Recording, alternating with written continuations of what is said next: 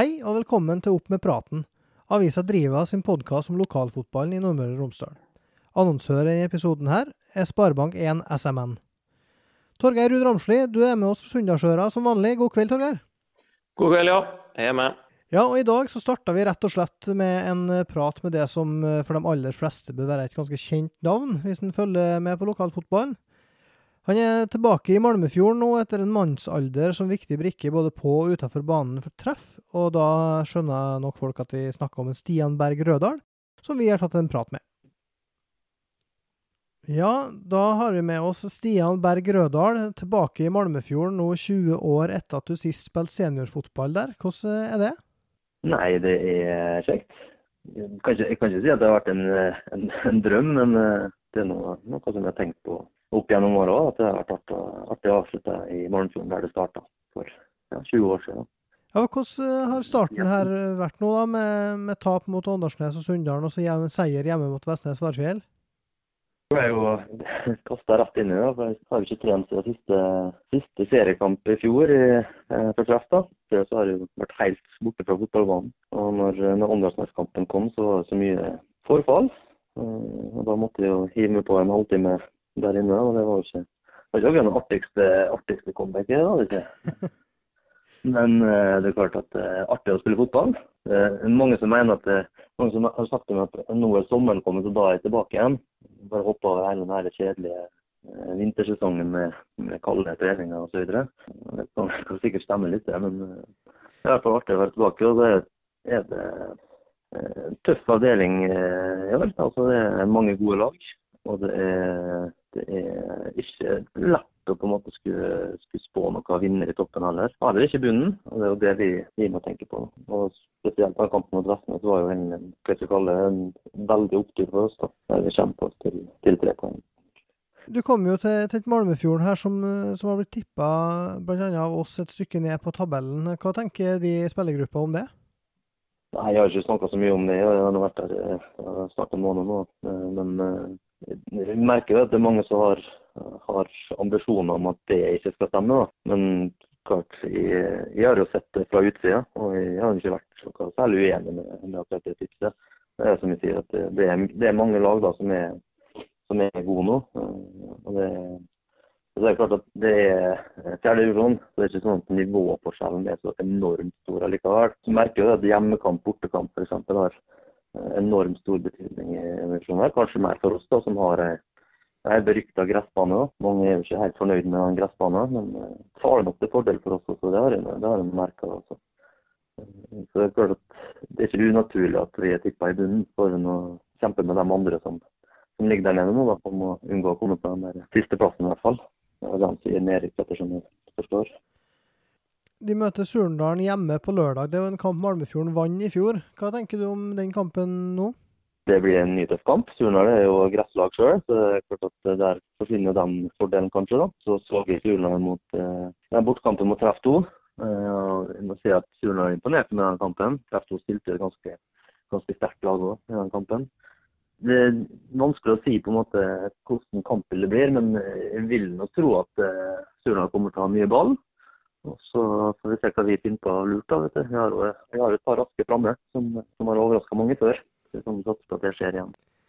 Ja, det skjedde jo som sagt eh, i, i fjor. Da var det jo, var det jo hjemmeseier i, i, den kampen der. Og, men eh, vi må snakke litt om de eh, åra der du har vært borte fra Malmefjorden. For det er jo, som vi nevnte, 20 år. og det Først så gikk du jo til Molde. Hvordan opplevde du den tida?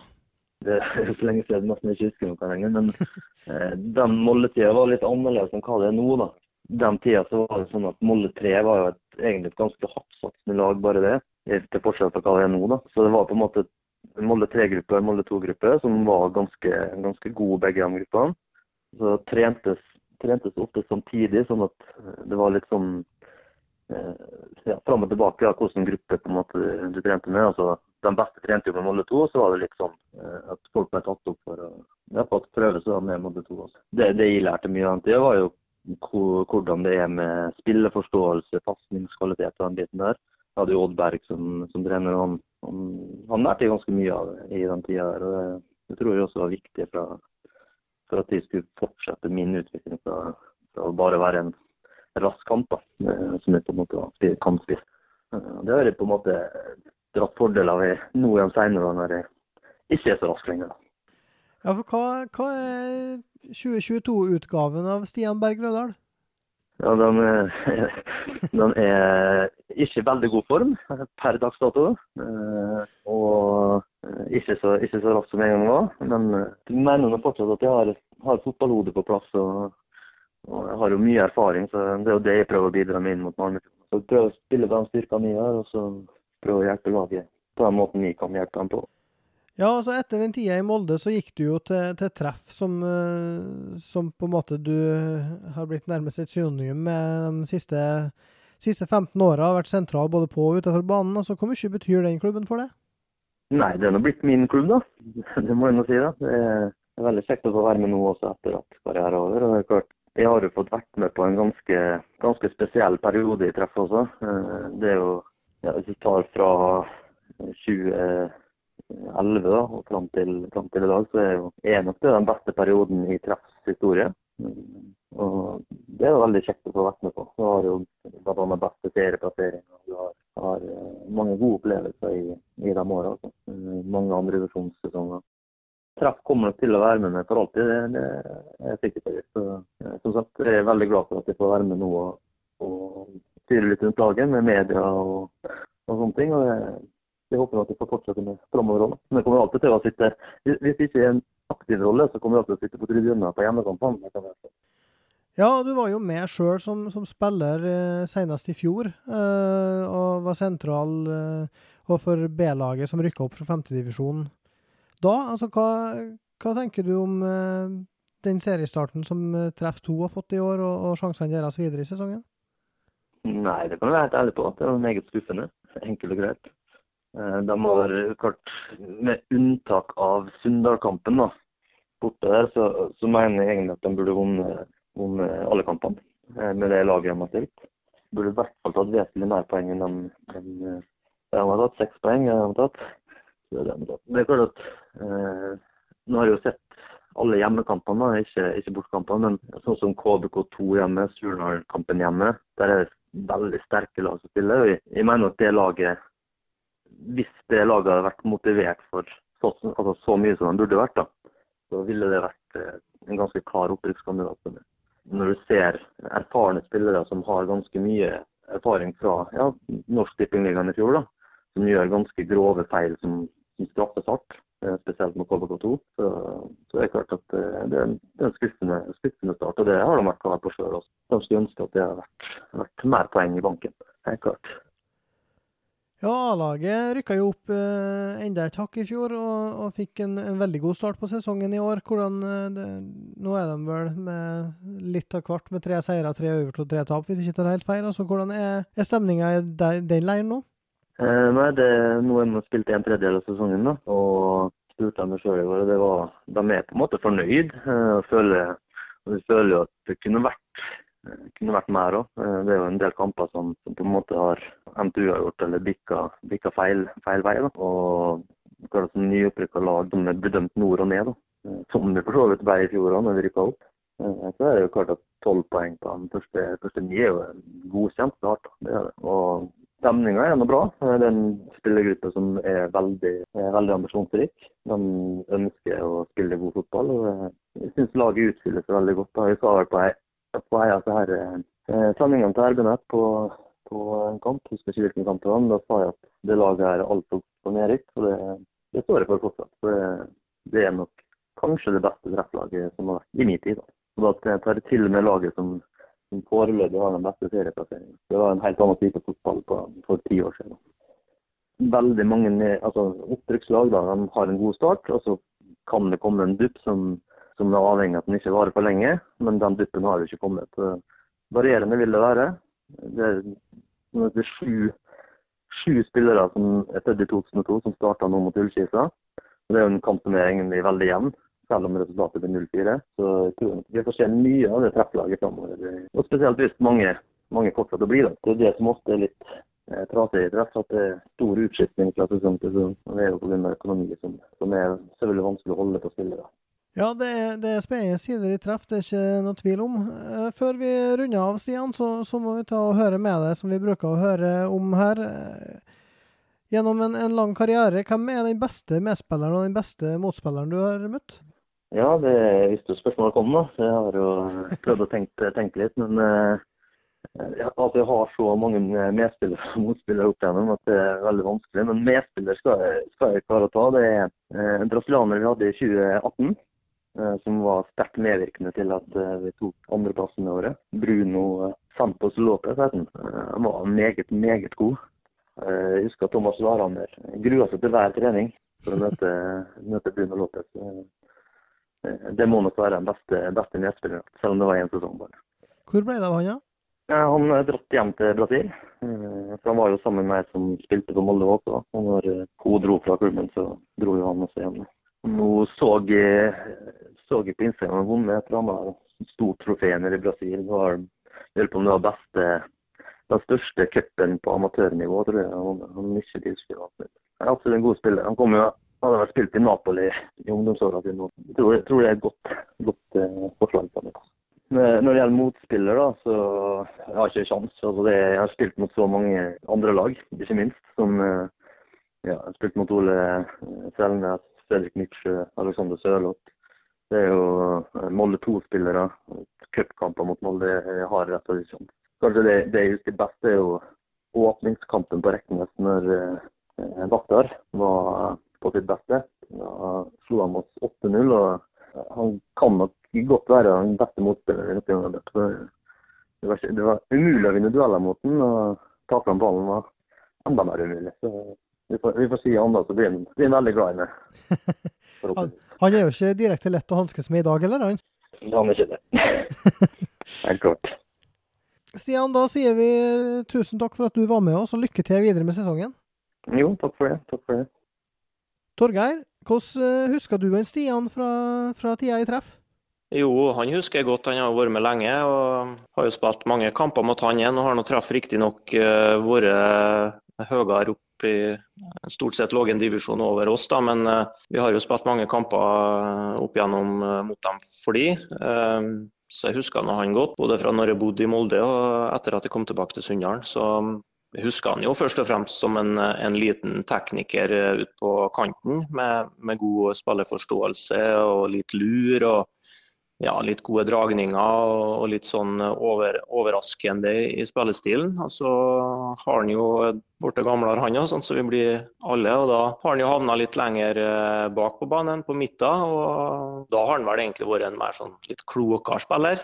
Eh, Mista litt fart og sånn, som er naturlig. Og, og, og spilt egentlig på spilleforståelse og klokskap og sånn. Og, og har jo vært i i traff veldig veldig lenge. og Stor erfaring både fra andre og, og litt tredjedivisjon. Så han har jo vært en hva skal jeg si, bærebjelke og en, en viktig brikke i treff. Så han husker jeg godt. Ja, og så fikk du jo se Stian da, og, og Malmefjorden på Sande i helga. Der ble det jo 5-0 til Sunndalen. Hvordan var den kampen? Nei, Kampen var veldig tidlig avgjort, da, for uh, Sunndal skåra jo tre mål ganske tidlig. Da var det ja, det var mye rot i bakre rekker hos Malmefjorden, men det var òg et godt Sunndalslag som, som pressa høyt og hadde rada opp mange fine angrep og utnytta de feilene som ble gjort. Og, og skapt eh, en del fine angrep sjøl, med, med komme seg rundt på kantene og legge inn. og litt sånn ja, Sunndalsfotball som, som jeg er veldig glad i. da. Eh, det var artig å se. Eh, så den kampen var avgjort tidlig, og så syns jeg at etter 3-0 og ja, et stykke ut i andre omgangen, så syns jeg på en måte at Sunndal kanskje eh, senker tempoet veldig da og duller seg litt inn i Mal Malmefjorden sitt, sitt eh, tempo. og så blir det noen innbytter sånn på slutten og folk som vil inn og vise fram litt. Og så putter de på to med han Khalil på, på slutten. Så det var ikke et mål for lite, og det kunne ha blitt mye mer. For det var, det var stor forskjell på lagene, syns jeg. Ja, det ble jo en, en målrik runde det her i, i fjerdedivisjon. For at uh, Vestnes Varefjell uh, varta opp med 6-1 over Eide omegn. Og KBK2 slo Misund 7-0 etter uh, et rødt kort på Arnt Erik Brakstad tidlig der. Hva, hva tenker du om, om, Vestnes som slår Eide 6-1, eller like mye egentlig om Eide som da reiser til Vestnes og taper 6-1? Hva forteller det resultatet det om de to lagene? Nei, eh, hvis du ser på tabellen, så er jo Vestnes bare ett poeng foran Eide. Da. Men eh, det begynner jo kanskje å vise at Vestnes har forsterka laget sitt litt. da, At de er farlige fremover. Det har vi jo sagt tidligere. Eh, så var jo en par av nykomlingene som skåra der. og og sånn, så Det, det synes jeg var et utrolig sterkt resultat av Vestnes. Men det er klart det er jo et katastroferesultat for Eide. For det er helt sikkert en kamp de har sett for seg at de kan ta tre poeng i. Eh, og Når du da taper 6-1 borte mot eh, et lag som er rundt det på tabellen, så er det, det er veldig svakt. Og det er klart Eide har sju poeng nå på sju kamper og ett i snitt. Da blir, du, da blir du langt ned på tabellen. Så for meg er jo Eide den store skuffelsen så langt. Eh, det er det jo ikke noe tvil om. Eh, jeg tippa ja, de er jo litt sånn eh, høyt, for de hadde forsterka laget sitt, trodde vi. Men de sliter. Og Forsvarsspillet har vi snakka om før, og de, de slipper inn mye mål og, og gjorde det nå igjen. og Vestnes er rimelig bra dem når de har dagen, men, men du skal ikke slippe inn seks mål mot, uh, mot Vestnes. Det, det, skal du ikke. Nei, jeg var jo på, på Syltørene og så Surnadal mot KFK CFK. Det var jo en kamp der eh, det endte 3-1. Og det er et flatterende resultat for, for KFK og CFK, for der òg er det ganske stor forskjell på lagene. Og Surndalen eh, kjører den kampen egentlig fra start til mål. Og, og satt med litt den følelsen av at eh, det kunne bli som på Sande, at der det var 3-0, og så at det kunne komme et par til på slutten. Men, men KFK og CFK, et ungt lag der som jobber, hardt, jobber godt, ligger lavt, ligger i ramma og, og klarer å, nekte en del rom. Men Surndalen bomma to ganger på åpen mål. Har to baller i mål som blir korrekt annullert uh, for offside, men, men, det er marginer der som gjør at det ikke blir en, del større seier. og det, det, er en, en, det, er en, kamp de, de burde vinne, og jeg syns KFK kommer greit fra det. Men de, de ble et nummer for små i den kampen. Det er jo ingenting som overrasker her, da, for det er noe nummer én og to på tabellen mot, mot nummer 11 og 12 vi har snakka om. sant? Og Sånn vil det være i lokalfotball, at det er stor, veldig stor forskjell på lagene. Sånn at Både på Sande og på Syltøren i helga så var det sikkert bare et spørsmål om hvor stor seieren skulle bli. Eh, men så er det sånn at når kampene er tidlig avgjort, så er det litt at du, detter nedpå og ikke greier å holde opp tempoet. Det, det er ganske naturlig. Så at Surnadal vant 3-1 eller 5-1 eller 6-1 og at Sunndal vant 5-0 eller 7-0, det, ja, det, er bare hvor lenge de greier å holde opp tempoet. og det, det er kanskje ikke si, lokale lag, breddefotballag, like gode til da, som om en skal sammenligne med profesjonelle lag da, som, som, greier å holde samme fokuset og sånn hele veien. Så uh, greier vel ikke breddefotballag det i den samme i samme skala eller på samme måte. Så det er helt naturlig resultat, alt det der. og Det er klart det er veldig store forskjeller på tabellen i forhold til antall poeng her. Da. Så helt naturlig, tenker jeg. Og Et lag som, som starta sesongen svakt, det var Tomrefjorden. De hadde tøft kampprogram i begynnelsen. Nå har de de to siste kampene vunnet 4-0 borte mot Misund, 3-0 hjemme mot Åndalsnes. Er det konturene av fjorårslaget en begynner å se her? Ja, kanskje, men jeg vil jo se at de slår noe litt bedre lag da først. Eh, de er fortsatt ni poeng bak serielederen. da. Så De har jo bare ti poeng de har på sju kamper. Det, det, er ikke mye. så De er nødt til å få opp noe, den rekka med seire. Den må de forlenge hvis de skal blande seg inn i toppen. Ja, Nå har de KFK, CFK og Malmefjorden i de to neste kampene. og Så kommer Bortekamp mot Sande 24.6, så nå, da er det spenning helt inn mot, uh, mot sommeren for Tomrefjorden. For de har Surndalen i, i, siste kamp før, så de har to, to, lag under seg og to lag over seg på tabellen før sesongen. og Det blir jo på mange måter da avgjørende for, for Tomrefjord sin sesong, tenker jeg. Ja, det blir det selvfølgelig. Skulle de nå tape mot Sunndalen eller uh, noe sånt, så er de jo fort over ti poeng bak, da. Det, det er jo mye å ta igjen på en på en høstsesong. Så de må vel vinne resten inn mot sommeren, de, tenker jeg, hvis de skal være med og kjempe om førsteplassen, i alle fall. Ja, og så var det en, en uh, jevn kamp, kanskje den jevneste i runden her. Det ble Dale mot treff 2. Der var det treff 2 leda både 1-0 og, og 2-1, men Dale dro i land en 4-3-seier til slutt. Treff 2 stiller et relativt sterkt lag, har med seg flere fra A, og har heva seg en del. Som vi, vi snakka jo, eller vi hørte en eh, Stian eh, sa det at han mente at uh, Treff 2 burde ha vunnet alle kamper bortsett fra mot Sunndalen, ut ifra det mannskapet de stilte. og De er skuffa over seriestarten, og nå taper de borte mot et Dale som, som absolutt er med i, i serien, nei, i, i toppen. Hvem tror du topper serien når vi kommer til sommeren, Torgeir? Nei, Det var et vanskelig spørsmål. Eh, nå, er, nå er det jo, skal de jo begynne å spille litt innbyrdes òg, så lager kanskje ikke noe runden nå, men neste og de par-tre siste rundene inn mot uh, sommeren. Så nei, det er helt åpent. Jeg kan jo tippe med hjertet for en gangs skyld og si Sunndalen, da.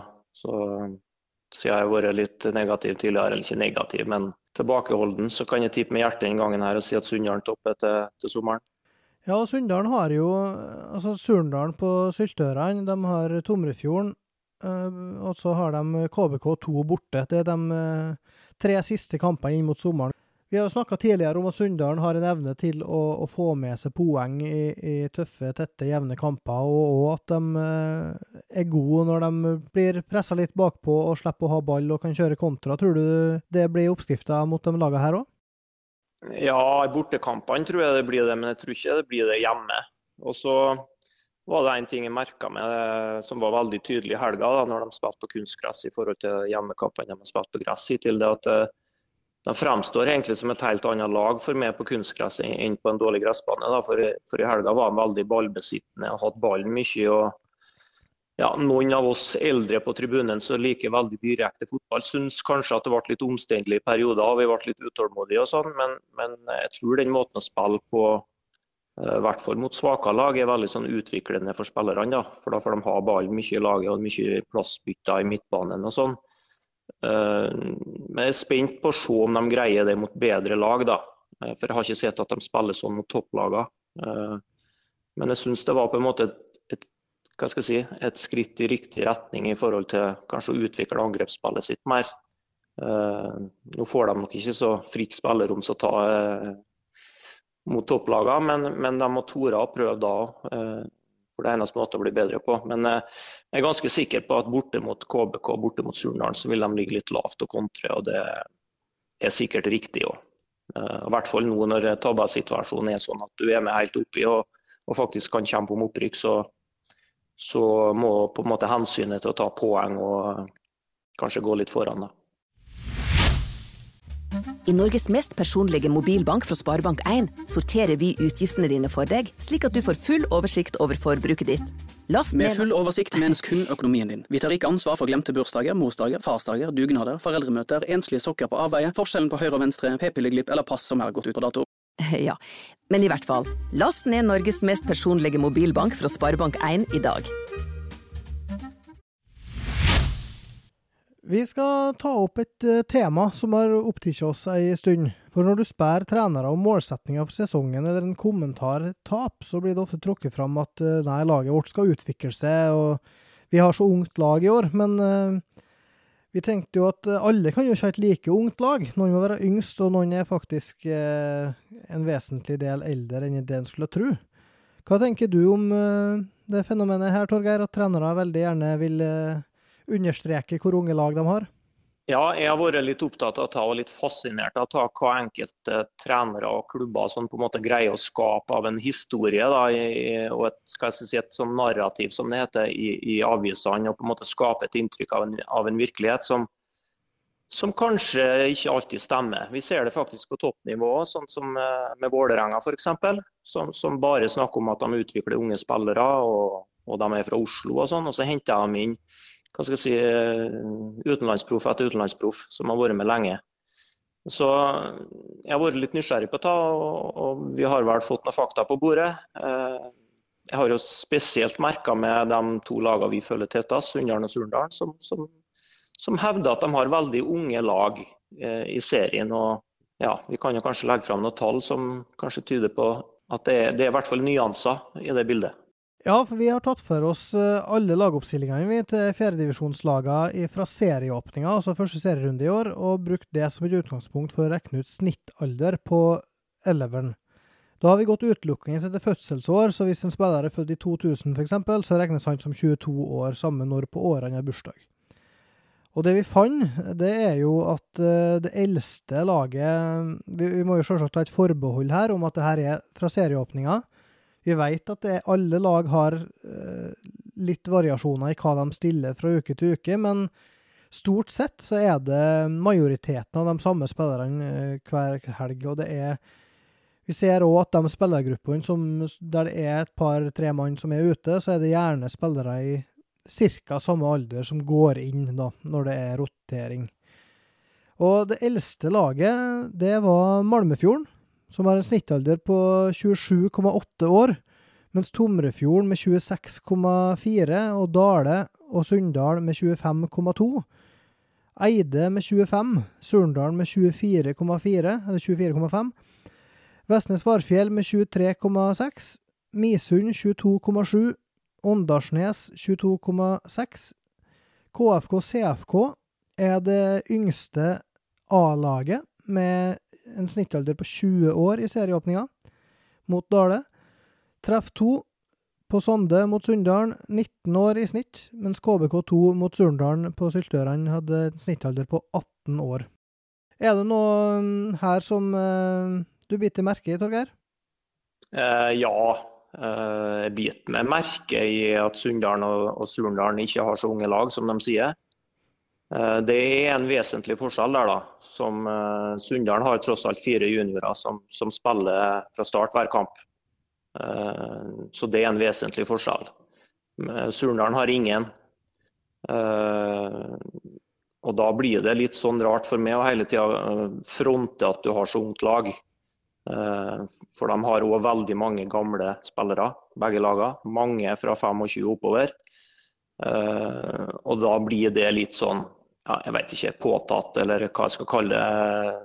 En liten sånn unnskyldning da, kanskje hvis det ikke går godt, eller noe sånt. Så jeg savner litt mer ærlighet og, og litt mer fakta rundt det. For uh, hvis du har en snittalder på 25 år i en, i en, uh, en breddefotballklubb, så har du ikke noe ungt lag. Uh, etter mitt syn. Og, og begge de lagene har òg innbytterbenker med, med, med folk to-tre som er oppe i åra. Sånn at ja, hele tida skulle framheve hvor ung du er, det, det blir, blir, litt rart, syns jeg, når fakta kommer på bordet. Og så er vi jo ikke overraska over at Malmefjorden og Tomrefjord er, er eldst, eh, og heller ikke hva skal si, de yngste lagene. Da.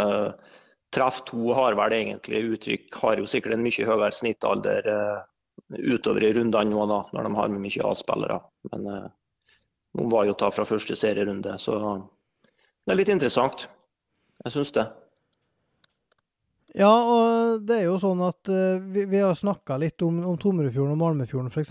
Så snakka vi jo litt om det her med at det er voksne mannfolk, og det er fysikk og greier. Og det, det klart det her støtta jo det når Malmefjorden Hvis Malmefjorden KFK nå, som er en utsatt kamp, møtes, så er det potensielt her åtte år i, i forskjell på, i snitt. Og det er klart at da Det, det merkes jo sannsynligvis i, i fysikk, men det Kanskje og andre veien merkes litt i at eh, spillerne på KFK fortsatt bortimot har gym på, på skolen. Så det, det løpskrafta der vil òg være litt forskjellig, da. Ja da, og så må det nevnes, da. Eh, jeg har jo vært borti mye av det her eh, sjøl, både som spiller og trener, at det er veldig mange som er opptatt av at du skal ha så mye unggutter og egne unggutter. Altså, det er jo ikke ulovlig å ha voksne lag eller å ha med gamle spillere. og folk fra 25 oppover, om de er 35 eller 40 eller hva det er, de må få lov å spille fotball, de òg. Så eh, ingen som, ingen som, kan for når de er født, for å si det sånn. Eh, så, så, det må være lov å være med og spille fotball fordi om du er litt oppi åra òg. Så det her med at alle lagene skal være så unge hele tida, at det skal være så fantastisk, det, det har jeg egentlig aldri forstått. og jeg tror egentlig alle lag her har en del unggutter som er med, og så er det litt blanding. og jeg tror egentlig Det beste, beste i et fotballag er jo å ha en, en god miks, ha en balanse. Eh, med en del eldre og en del i, i midten av 20-åra og, og, en del unggutter. Eh, det tror jeg er, er den beste miksen, sånn at du ikke har bare det ene eller det andre. Så du må få være med uansett hvor gammel du er, tenker jeg.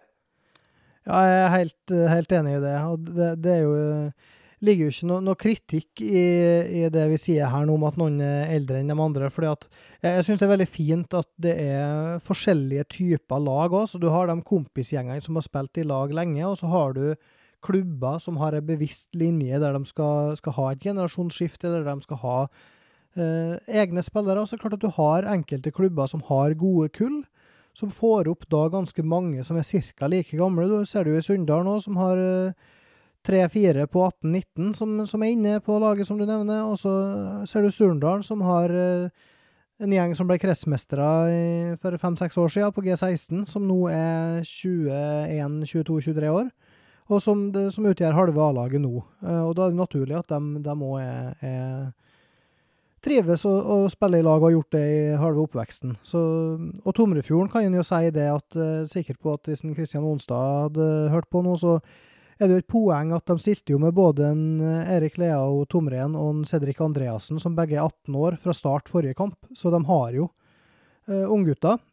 Og um, jeg syns det er veldig fint at, uh, at det er en fin blanding, som du sier. Jeg er helt enig i at det nok er det beste rent sportslig. Og, og i lokalfotballen her så har vi jo snakka før om at fraflytting er et problem. Det er vi har mista si, den generasjonen, altså når folk begynner å bli etablerte, få unger og bli familisert. altså Da detter vekk veldig mye spillere. Det har vært et problem som har gjort at en del klubber sliter med å stille lag.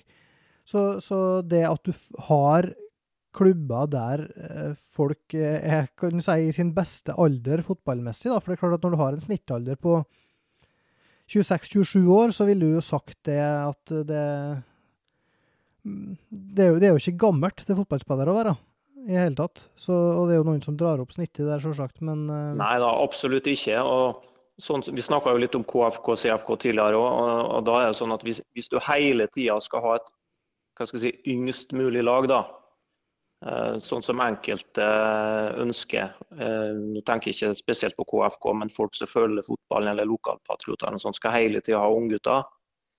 De må bli jo gamlere. Så skal ikke de få være med dem når de blir 27-28, de som en gang var 18-19. Skal du hele tida ha mest mulig juniorer, sant? da må du begynne på nytt. da. Hvert eneste år med unggutter.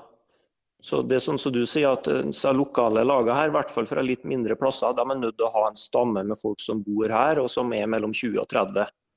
Du kan ha litt juniorspillere og litt eldre, og sånn men du må ha en stamme hvis det skal være ja, bærekraftig, da, for å si det sånn. Så, så det er helt enig med det. Støtter 100 ja, jeg kan jo ta det som bare et, et, eksempel. Det er klart at alle, som vi nevnte, at alle klubber her er jo eh, har jo hatt variasjoner av de lagoppstillingene her, og, og, det har vært spillere inn og ut og sånn, men, men hvis du hadde erstatta eh, Pa Osman Jamme, da, som er 34, med en 18-åring som er på alder med resten av KFK og CFK, så hadde du hatt en snittalder på 18,5 år.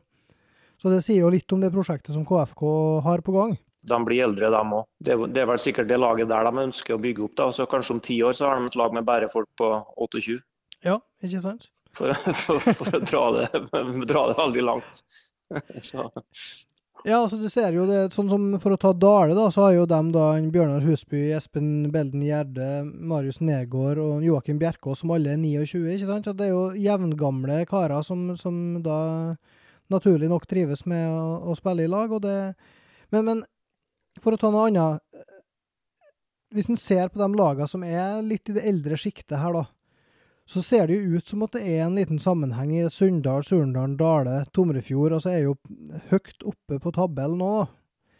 Uh, så det ser jo ut som at det er relativt At det har en Hva skal jeg si? At det har en konsekvens. Og det å ha litt mer fysikk, det at det er nyttig.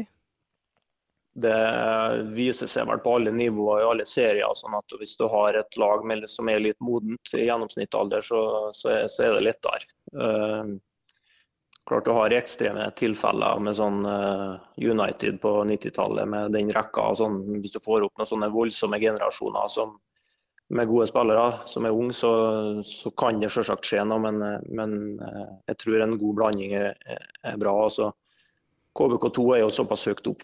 på altså Det er jo kvaliteten på spillerne, ikke, ikke alderen, som, som, gjør at de ligger høyt og sikkert kommer til å kjempe om opprykk. Så det blir på en måte noe annet. Så, så tror jo en del av at de lagene som, som ligger langt ned og er veldig unge, da, de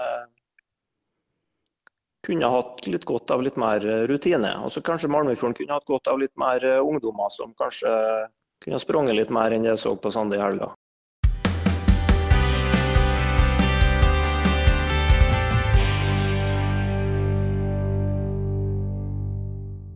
Det er en ny runde allerede til helga i, i fjerde divisjon. Da er det KFK CFK mot Tomrefjorden. Det er Åndalsnes mot KBK2. Det er Misund treffer to. Dale Eide omegn. Sunndalen Vestnes Varfjell og Malmefjorden Surndalen.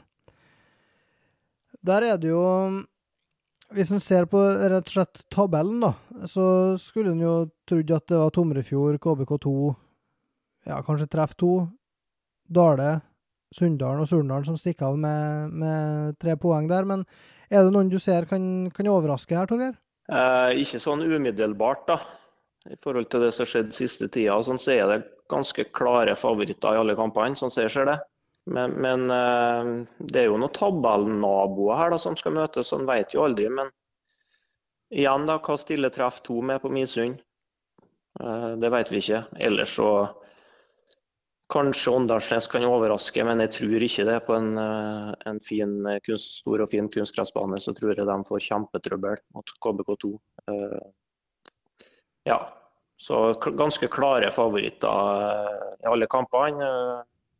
Kanskje Misund kan ha sjanse på et poeng eller tre hvis treff to stiller svakt. Men, men jeg tipper jo at de kommer til å stille ganske sterkt resten av sesongen for å komme seg unna rett og slett nedrykkskamp. Ja, så husker vi jo Det var vel andre, andre serierunde i fjor, det. Da det var bortimot 20 i odds på både Malmefjorden hjemme mot Surndalen og Sunndal borte mot Dale. Og begge, begge dem to slo til. Um, ja. Så Malmefjorden har jo slått Surnadal hjemme før. Det, tror du det kan være et potensielt bananskall for dem?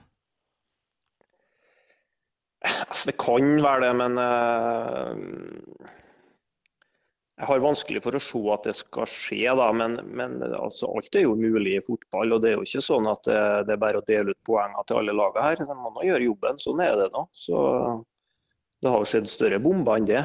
Så jeg synes jo på en måte ikke Malmefjorden kan jo ikke gå på banen med innstillinga at de ikke skal vinne eller ikke skal få med seg poeng. Så alt er jo mulig. Det, så gode er, er, jo ikke det topplaget her at det ikke, at det ikke går an å, å, ta poeng mot dem på en, på en veldig god dag sjøl. Det, det, er jo fullt mulig for alle lagene, egentlig. Ja, akkurat Malmefjorden og Surndalen har jeg vært med som lagleder på Surndalen i et par år tidligere. og da, Det har jo alltid vært veldig jevne, eller iallfall resultatmessig jevne kamper der Malmefjorden gjerne har leda både ett og to mål tidlig, mens der Surnadal ofte har snudd det på slutten. Uh, men det er jo bare én gang av de fem siste kampene Stjørdal har vunnet med mer enn ett mål, selv om de står med fire av fem, fem seire der. Og klart Malmefjorden vant den tilsvarende kampen i fjor, så det, da skåra Bjørn André Monsen tre mål. og det, det er klart at Jeg tipper at en del av Surnadal-spillerne husker den kampen, og eh, kanskje har i bakhodet at det her er ikke noe på, Det er på ingen måte noe enkel bortekamp. Vi skal kjapt innom femtedivisjonen før vi tar helg. Da, der tok Gossen sitt første poeng med 3-3 mot Isfjorden Åndalsnes sist, mens Gjelseth Kleive fortsatte fine sesongstarten sin med et 4-1 borte mot Molde-studentene. Smøla, som jeg trakk fram som en liten skuffelse sist, de slo, uh, tilbake med 7-2 over Dale 2, selvsagt på hjemmebane. Mens toppkampen mellom Elnesvågen og Molde 3 endte 3-3 etter at Molde 3 henta inn Elnesvågen sin tomålsledelse. Og Det betyr at Molde 3 fortsatt topper tabellen. Og nå i helga så er det mm, Gjelseth Kleive mot Elnesvågen, og det kan jo bli en skikkelig viktig kamp i, i, kampen om opprykk. Ja, det kan det bli. Det var jo veldig sterkt av Molde 3 da, synes jeg, å ta poeng borte mot Elnesvågen. De, de leda jo riktignok serien med, med, to kamper mer, men jeg hadde ikke sett for meg det. da. I hvert fall ikke når de lå, lå to mål bak. Så det kan jo hende at det blir mer fight om den, det opprykket der enn, eh, enn vi har trodd. At, at Elnesvågen òg må, må, ta seg sammen. At de ikke bare kan seile igjennom. Kanskje AK kan melde seg på, de er litt bak. Men de ser ut som de tar en, en seier i helga, i hvert fall hjemme mot Isfjorden. Så uavgjort på Gjelset da, kanskje, så er det jo virkelig tett oppe i toppen der. Så ser det ut som det kan bli en artig opprykksfight der, da, i den divisjonen. Yes, og med det så er Opp med praten ferdig for denne uka. Vi er selvsagt tilbake neste uke, men før det skal vi ha ei helg med masse fin lokalfotball. Og Torgeir, skal du på kamp i helga? Ja, det blir Sunndal Vestnes, det. Og så um, må jeg vel ut av uh, bygda da, sikkert neste helg. Hvis det da er Surnadal-Sunndal.